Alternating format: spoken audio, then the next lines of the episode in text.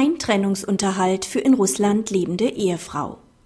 Liegen die Voraussetzungen für die Gewährung von Trennungsunterhalt nach dem nach Artikel 18 Absatz 1 EGBGB anzuwendenden russischen Recht nicht vor, rechtfertigt dies nicht die Anwendung deutschen Rechts nach Artikel 18 Absatz 2 EGBGB. Dies gilt nur, wenn das anzuwendende Recht dem Grunde nach keinen Anspruch auf Trennungsunterhalt gewährt.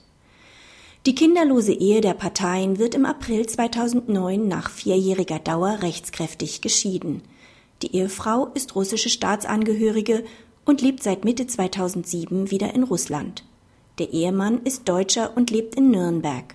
Ein Antrag der Ehefrau auf Zahlung nachehelichen Unterhalts wird zurückgewiesen. Die Ehefrau begehrt nun beim Amtsgericht Verfahrenskostenhilfe für den Antrag, den Ehemann für die Zeit von April 2008 bis April 2009 zur Zahlung von Trennungsunterhalt zu verpflichten. Das Amtsgericht versagt die beantragte Verfahrenskostenhilfe mangels Erfolgsaussichten. Nach Artikel 18 Absatz 1 Satz 1 EGBGB ist für die Prüfung des Unterhaltsanspruchs russisches Recht anzuwenden. Das einschlägige russische Recht sieht jedoch eine Unterhaltsverpflichtung zwischen noch verheirateten Eheleuten nur unter Voraussetzungen vor, die vorliegend nicht gegeben sind. Ein Rückgriff auf die Anwendung deutschen Unterhaltsrechts nach Artikel 18 Absatz 2 EGBGB ist nicht gerechtfertigt, da deutsches Recht nur zur Anwendung kommt, wenn das ausländische Recht dem Unterhaltsberechtigten einen Unterhaltsanspruch überhaupt versagt.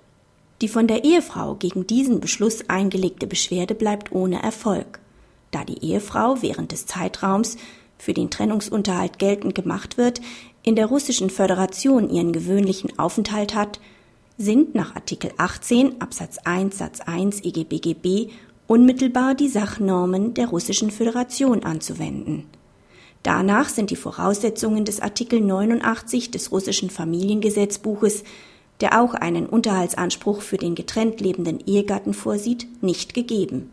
Dies führt aber nicht dazu, dass ein Anspruch auf Trennungsunterhalt nach Artikel 18 Absatz 2 EGBGB aus deutschem Recht hergeleitet werden kann. Voraussetzung dafür wäre, dass die Ehefrau nach dem russischen Recht vom Ehemann keinen Unterhalt erhalten kann. Der BGH hat mit Urteil vom 13.12.2000 ausgeführt, dass ein Rückgriff auf deutsches Recht nach Artikel 18 Absatz 2 EGBGB nur dann in Betracht kommt, wenn die Berechtigte aus dem primär berufenen ausländischen Recht dem Grunde nach keinen Unterhalt erhalten kann. Weil in Artikel 89 Nummer 2 des russischen Familiengesetzbuches Unterhaltstatbestände für die Situationen normiert sind, in denen, wie etwa bei der Betreuung eines Kindes unter drei Jahren oder Erwerbsunfähigkeit des Anspruchstellers, auch nach dem Verständnis des deutschen Rechts ein dringendes Bedürfnis für eine wirtschaftliche Absicherung eines Ehegatten besteht, ist kein Bedarf für eine hilfsweise Anwendung des deutschen Rechts zu erkennen. Praxishinweis. Im Bereich des Unterhaltsrechts stehen bei der Ermittlung der Kollisionsnormen drei Verweisungsnormen zur Verfügung, sofern nicht bilaterale Abkommen wie das deutsch-persische Niederlassungsabkommen vorgehen.